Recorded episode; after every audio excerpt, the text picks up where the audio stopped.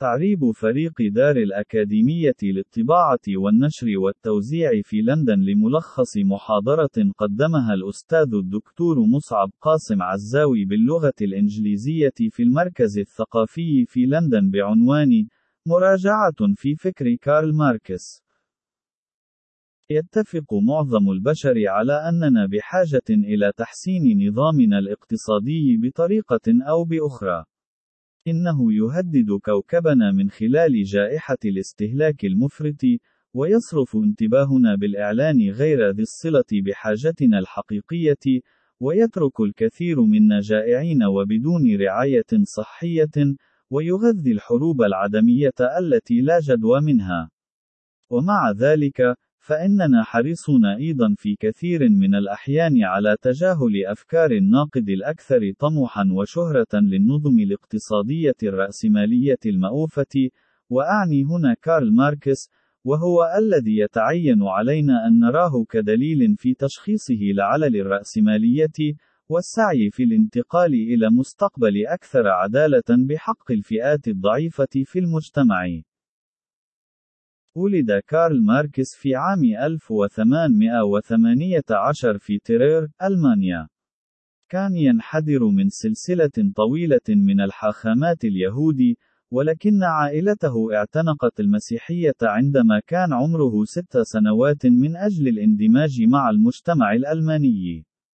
درس في جامعة بون الفخمة والعريقة، وراكم ديونا ضخمة خلال دراسته، وسجن بسبب السكر وتعكير صفو السلام، ودخل في مبارزة بالسيوف كادت أن تودي بحياته. كما أراد أن يصبح ناقدا دراميا.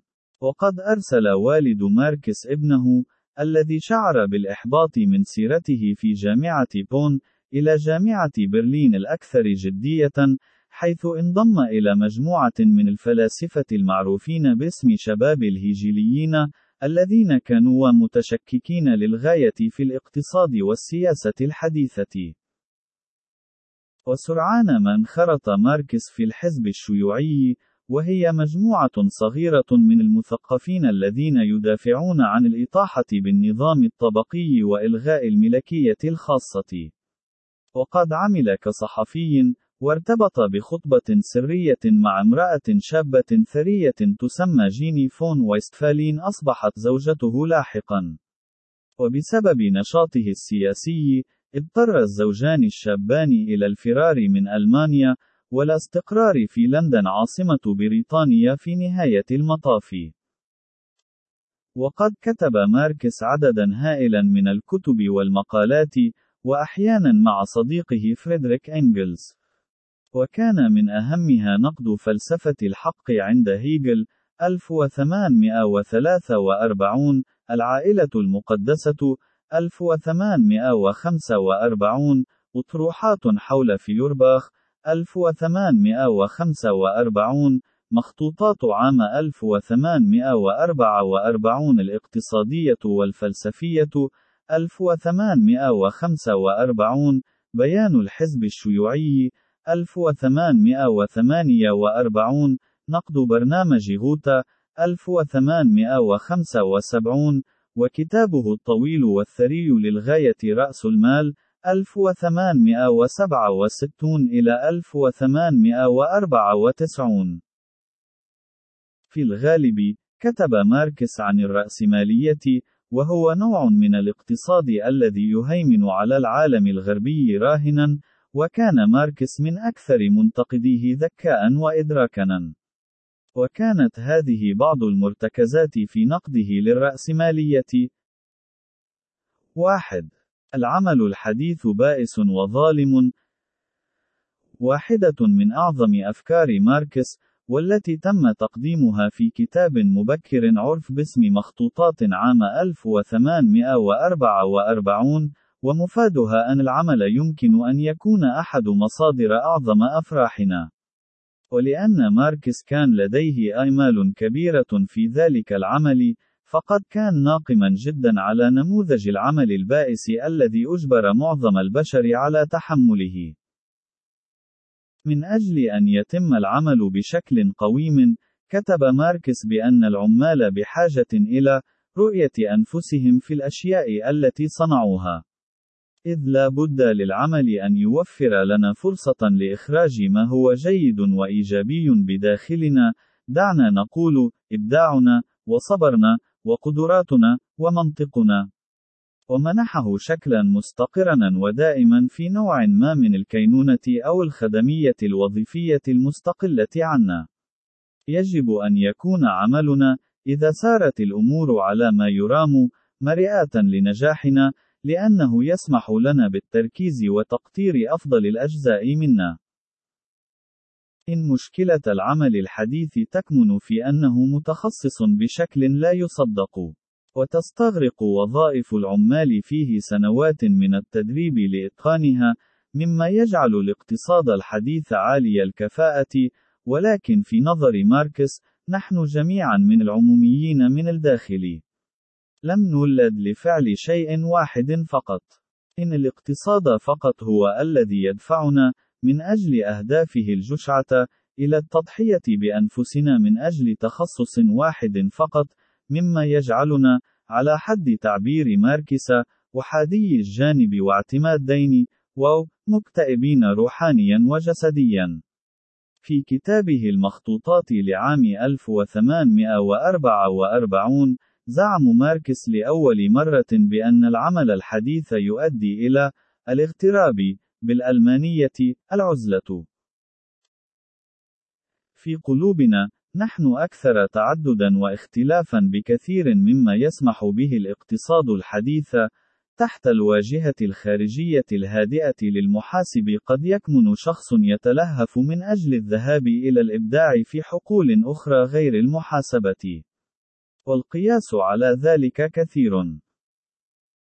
يدرك ماركس إمكاناتنا المتعددة. قد يكون التخصص ضرورة اقتصادية، لكنه قد يكون خيانة إنسانية.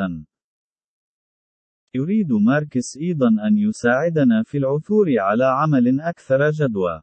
يقول ماركس إن العمل يصبح ذا معنى بإحدى طريقتين. إما أنه يساعد العامل مباشرة على تقليل المعاناة لدى شخص آخر، أو أنه يساعدهم بطريقة ملموسة لزيادة البهجة لدى الأخرين. يبدو أن هناك عددا قليلا من أنواع العمل التي تحقق تلك المتطلبات مثل أن تكون طبيبا أو نجم أوبرا، وهي غير متاحة لكل العمال المعاصرين في نظام الإنتاج الرأسمالي. ولكن غالبا ما يترك الأشخاص وظائفهم ويقولون إنهم لا يستطيعون رؤية الهدف من العمل في حقلهم المهني. عندما يتم الشعور بأن العمل بلا معنى، فإننا نعاني من الغربة أو العزلة الروحية حتى إذا كان الراتب الذي نتلقاه لائقنا. يرسم ماركس مخططا أوليا للإجابة على كيف ينبغي علينا إصلاح الاقتصاد، إننا بحاجة إلى نظام اقتصادي يسمح للكثير منا بالحد من معاناة الآخرين أو زيادة رخائهم وبهجتهم. في العمق، نريد أن نشعر أننا نساعد الناس. علينا أن نشعر بأننا نلبي الاحتياجات الحقيقية في ذواتنا ولدى الآخرين.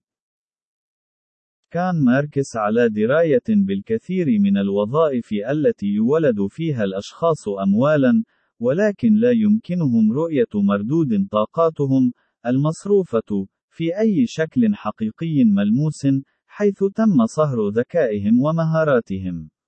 فهم لا يمكنهم الإشارة إلى شيء ما والقول: لقد فعلت ذلك، هذا أنا وهذا من نتاجي. 2. العمل الحديث غير آمن. إن الرأسمالية تجعل الإنسان كما لو أنه بضاعة قابلة للاستهلاك والرمي عند انتهاء صلاحيتها، إذ هناك دائما عامل يصرف من عمله بلا رحمة في اللحظة التي ترتفع فيها التكاليف، أو حين يمكن تحقيق وفورات في نفقات الإنتاج من خلال استبدال العمال بالتكنولوجيا. ببساطة لا يوجد أمن وظيفي في الرأسمالية. ومع ذلك، كما علم ماركس، في أعماقنا نتوق للأمن في حيواتنا العملية بقوة شبيهة بتلك التي نشعر بها في العلاقات العاطفية الحميمة. لا نريد أن نفصل من العمل على نحو تعسفي، نحن مرعوبون من أن يتم هجراننا مهنيًا. يعلم ماركس أننا بشر عبارة عن براغ للاستهلاك والبيع والشراء في سوق العمل الرأسمالي بسعر يتوقف على التكلفة والحاجة. وهو يتناقض مع الشوق العاطفي للعامل ليحب عمله ويشعر بالأمان فيه. إن الشيوعية، المفهومة عاطفيًا، تعد وعدًا بأن لدينا دائمًا مكانًا في قلب العالم، وأنه لن يتم نبذنا بعيدًا، والاستغناء عنا حينما نصبح فائدين عن حاجة تحقيق الأرباح الرأسمالية. 3. يتقاضى العمال أجورا قليلة بينما يصبح الرأسماليون أثرياء. ربما كان هذا هو الهاجس الأكثر وضوحا لدى ماركس مع الرأسمالية. على وجه الخصوص، كان يعتقد أن الرأسماليين قلصوا من أجور العمال قدر الإمكان من أجل استخلاص هامش ربح واسع. وكان من الصعب للغاية على العمال الاحتجاج أو تغيير ظروفهم. لم يقتصر الأمر على أنهم في حاجة ماسة إلى التوظيف، بل كان بإمكان أصحاب العقارات وأصحاب العمل التآمر لإبقاء العمال يائسين من خلال رفع أسعار المعيشة والإيجارات بالتوازي مع أي زيادة في الأجور الوظيفية، وبالتالي تتأكل أي زيادات حقيقية في الأجور.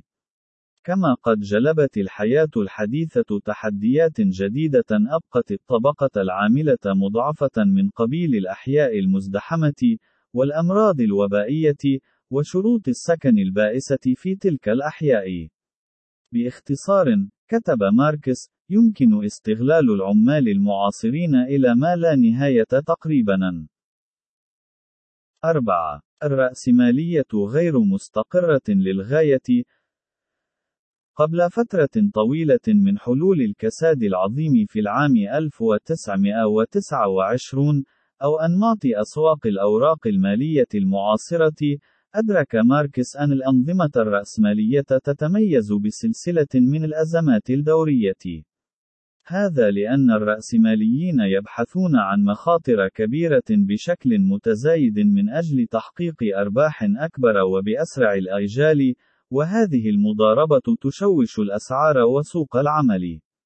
من وجهة نظر ماركس، إنها غير مستقرة بطبيعتها، قوة تغمر نفسها باستمرار، كما لو أنها الساحر الذي لم يعد قادرا على السيطرة على قوى العالم السفلي الذي استدعاه بتعويذاته. ومن المفارقات، كما أشار ماركس، فإن أزمات الرأسمالية ليس بسبب النقص، بل بسبب الوفرة، فكلما ازداد الإنتاج في تصاعده المضطرد سوف يصل إلى مرحلة لا يجد فيها سوقا لتصريف وفرة منتجاته، ويؤدي ذلك إلى انبثاق فقاعة الإنتاج الرأسمالية، وحلول انكساد محلها، كما يؤدي إلى اندثار العديد من الرأسماليين ومصانعهم، ويعيد الإنتاج إلى مستويات أقل بكثير من مستوياتها قبل انبثاق الفقاعة الرأسمالية، ليبدأ الإنتاج بالتضخم من جديد وتشكيل فقاعة إنتاجية لا بد لها من الانبثاق لاحقا في دورية سرمدية من فيض الإنتاج متبوعا بالكساد كل بضع سنين. 5. الرأسمالية سيئة للرأسماليين، على الرغم من أن ماركس وصف أحيانا الرأسماليين والبرجوازيين باء مصاصي الدماء، إلا أنه لم يعتقد أنهم كانوا أشرارا في صميمهم. في الواقع، كان يعتقد أنهم كانوا أيضا ضحايا للنظام الرأسمالي. على سبيل المثال، كان يدرك تماما الأحزان والآلام السرية التي تكمن وراء الزواج البرجوازي. تحدث الأثرياء من عصره عن الأسرة بالطرق الأكثر تبجيلا وعاطفية. لكن ماركس زعم أن الزواج كان في الواقع امتدادا للعمل التجاري. لقد ركز الزواج المال في أيدي الرجال الذين استخدموه للسيطرة على زوجاتهم وأطفالهم. كانت الأسرة البرجوازية المثالية في الواقع محفوفة بالتوتر والقمع والاستياء، وبقيت موجودة ليس بسبب الحب، بل لأسباب مالية. لم يعتقد ماركس أن الرأسماليين أرادوا العيش بهذه الطريقة. لقد اعتقد ببساطة أن النظام الرأسمالي يجبر الجميع على وضع المصالح الاقتصادية في صميم حياتهم، بحيث لم يعد بإمكانهم معرفة العلاقات العميقة والصادقة. ودعا هذا الميل النفسي باسم تقديس السلعة، تأليه السلع، لأنه يجعلنا نقدر الأشياء التي ليس لها قيمة موضوعية في حد ذاتها، ويشجعنا على رؤية علاقاتنا مع الآخرين من الناحية الاقتصادية في المقام الأول. وهذا جانب آخر مهم من عمل ماركس، فهو يطلعنا على الطريقة الخادعة والخفية التي يلون بها النظام الاقتصادي أنواع الأفكار لدى البشر حول كل أنواع الأمور. يولد الاقتصاد ما أطلق عليه ماركس أيديولوجية. لقد كتب في كتابه الأيديولوجيا الألمانية لعام 1845 أفكار الطبقة الحاكمة في كل عصر هي الأفكار الحاكمة. المجتمع الرأسمالي هو مجتمع حيث يعتقد معظم الناس، الأغنياء والفقراء، أن جميع أنواع الأشياء في حيواتنا تكون في الحقيقة مجرد قيمة لأحكام تتعلق بالنظام الاقتصادي، على سبيل المثال فإن الشخص الذي لا يعمل لا قيمة له عمليًا، وإذا كنا ببساطة نعمل بجد بما فيه الكفاية فسوف نمضي قدما في تعزيز قيمتنا الاجتماعية المادية، وأن المزيد من الممتلكات سوف تجعلنا أكثر سعادة، وأن الأشياء والبشر ذات القيمة الحقة في المنظار الرأسمالي سوف تنتج المال دائما. وفي إيجاز، إن أحد أكبر شرور الرأسمالية لا يكمن حصرا في وجود أشخاص فاسدين في القمة، وهذا صحيح في أي تسلسل هرمي بشري، ولكن أيضا في أن تلك الأفكار الرأسمالية تعلمنا جميعا أن نكون قلقين، وتنافسيين، ومنصاعين، وراضين سياسيا. وقد كتب ماركس القليل بشكل ملحوظ حول الشكل الذي ينبغي أن يكون عليه النظام الشيوعي. لقد كان يعتقد أن كتاباته كانت في معظمها أوصافًا، وليست وصفات لتخليق العلاج، حول ما كان سيأتي. عندما تم انتقاد توقعاته الغامضة إلى حد ما، لماهية دكتاتورية الطبقة الكادحة، على سبيل المثال، سخر من أنه لا يرغب في كتابة وصفات لمحلات الطبخ في المستقبل. ربما شعر بحكمة صعوبة تخمين الأذواق المستقبلية، سواء في الطهي أو السياسة. ومع ذلك، فإننا نحصل على لمحات قليلة من المدينة الفاضلة، يوتوبيا، لماركس مخبأة في كتاباته. ويصف كتابه بيان الحزب الشيوعي عالما خال من الملكية الخاصة، دون أي ثروة موروثة، مع ضريبة دخل متدرجة بشكل كبير، وسيطرة مركزية على قطاعات البنوك، والاتصالات، وصناعات النقل، والتعليم العام المجاني لجميع الأطفال. توقع ماركس أيضا أن يسمح المجتمع الشيوعي للناس بتطوير جوانب مختلفة من طبيعتهم. وفي كتابه الإيديولوجية الألمانية، كتب أنه: في المجتمع الشيوعي، إنه من الممكن بالنسبة لي أن أفعل شيئا اليوم، وآخر غدا، أن أصطاد السمك في الصباح، وأربي الماشية في المساء، وأمارس النقد الفكري بعد وجبة العشاء، تماما تماشيا مع طموحات عقلي دون أن أصبح صيادا للسمك، أو راعيا للماشية، أو ناقدا. سوف نستكشف جميع الأجزاء المختلفة من أنفسنا، إبداعنا، وفكرنا، ولطفنا، ووحشيتنا، وسوف يكون لدى الجميع القليل من الوقت للقيام بالفلسفة. بعد انتقال ماركس إلى لندن، تلقى الدعم من قبل صديقه وشريكه الفكري فريدريك إنجلز وهو رجل ثري كان والده يملك مصنعا للقطن في مانشستر. غطى إنجلز ديون ماركس، وتأكد من نشر أعماله. لم يكن ماركس مثقفا مشهورا في حياته. وقد قضى معظم وقته في التجوال في غرف القراءة في المتحف البريطاني وببطء يكتب في كتابا لا نهاية له حول رأس المال. وكان هو وإنجلز يحاولان دائما تجنب الشرطة السرية، بما في ذلك صهر ماركس، الذي كان يدير الخدمة السرية البروسية. عندما توفي ماركس في عام 1883 في لندن، حضر أقل من عشرة أشخاص جنازته. كان الناس التقليديون المحترمون في زمن ماركس يضحكون من فكرة أن أفكاره سوف تعيد تشكيل العالم. لكن بعد بضعة عقود فقط لاحقا، فعلت أفكاره ذلك، فقد أصبحت كتاباته حجر الزاوية لبعض أهم الحركات الفكرية في القرن العشرين. كان لدى ماركس رؤية واسعة بشكل غير عادي للمشاكل المعاصرة. لقد صاغ مصطلحات مجسمة مثل المادية الجدلية، لأنه أراد أن يتحدانا لربط تجاربنا وخياراتنا اليومية بقوى تاريخية واسعة، لمساعدتنا على أن نرى أنفسنا كجزء من صراع أكبر وأهم أخلاقيًا. وكان نتاجه الفكري في بعض الأحيان مربكا وصعبا، ليس فقط لأنه طور آراءه على مدار حياته، ولكن أيضا لأنه أراد تطوير لغته لوصف المشكلات الحديثة بطريقة لم تكن تشبه من سبقه. ينبغي علينا أن نقاوم القراءة الرافضة لماركس على أساس ما حدث لأفكاره في القرن العشرين، لأنه مفيد لنا بشكل خاص في هذه اللحظة الراهنة.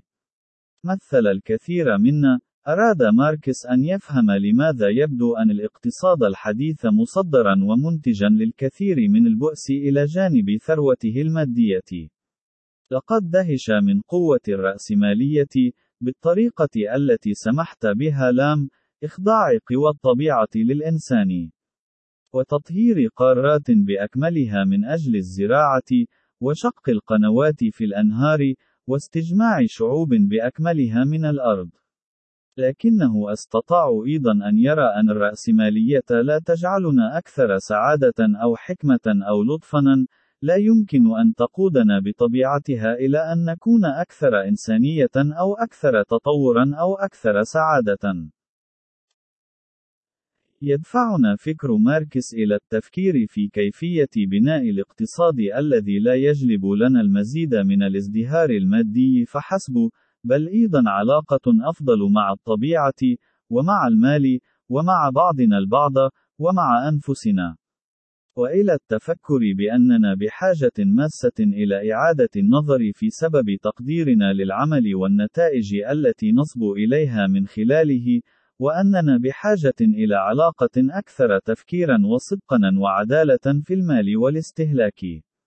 ويجب أن نبدأ في إصلاح الرأسمالية ليس فقط عن طريق عزل رؤساء البنوك والشركات الرأسمالية الكبرى، وتحقيق ديكتاتورية البروليتاريا التي كانت تعني بمنظار ماركس سيطرة العمال على وسائل الإنتاج والمواقع التي يعملون فيها، ولكن أيضا عن طريق إغناء محتويات عقولنا. عندها فقط يمكننا حقا أن نكون قادرين على أن نتخيل الاقتصاد الذي لا يكون منتجا ومبتكرا فحسب، بل ذاك الذي يعزز أيضا حرية الإنسان وإنجازاته ميوله الفطرية الطبيعية. وقد يلخص ذاك التصور الأخير قول ماركس الشهير: قام الفلاسفة بتفسير العالم بطرق متباينة لا غير. لكن الهدف الحق يكمن في السعي لتغييره.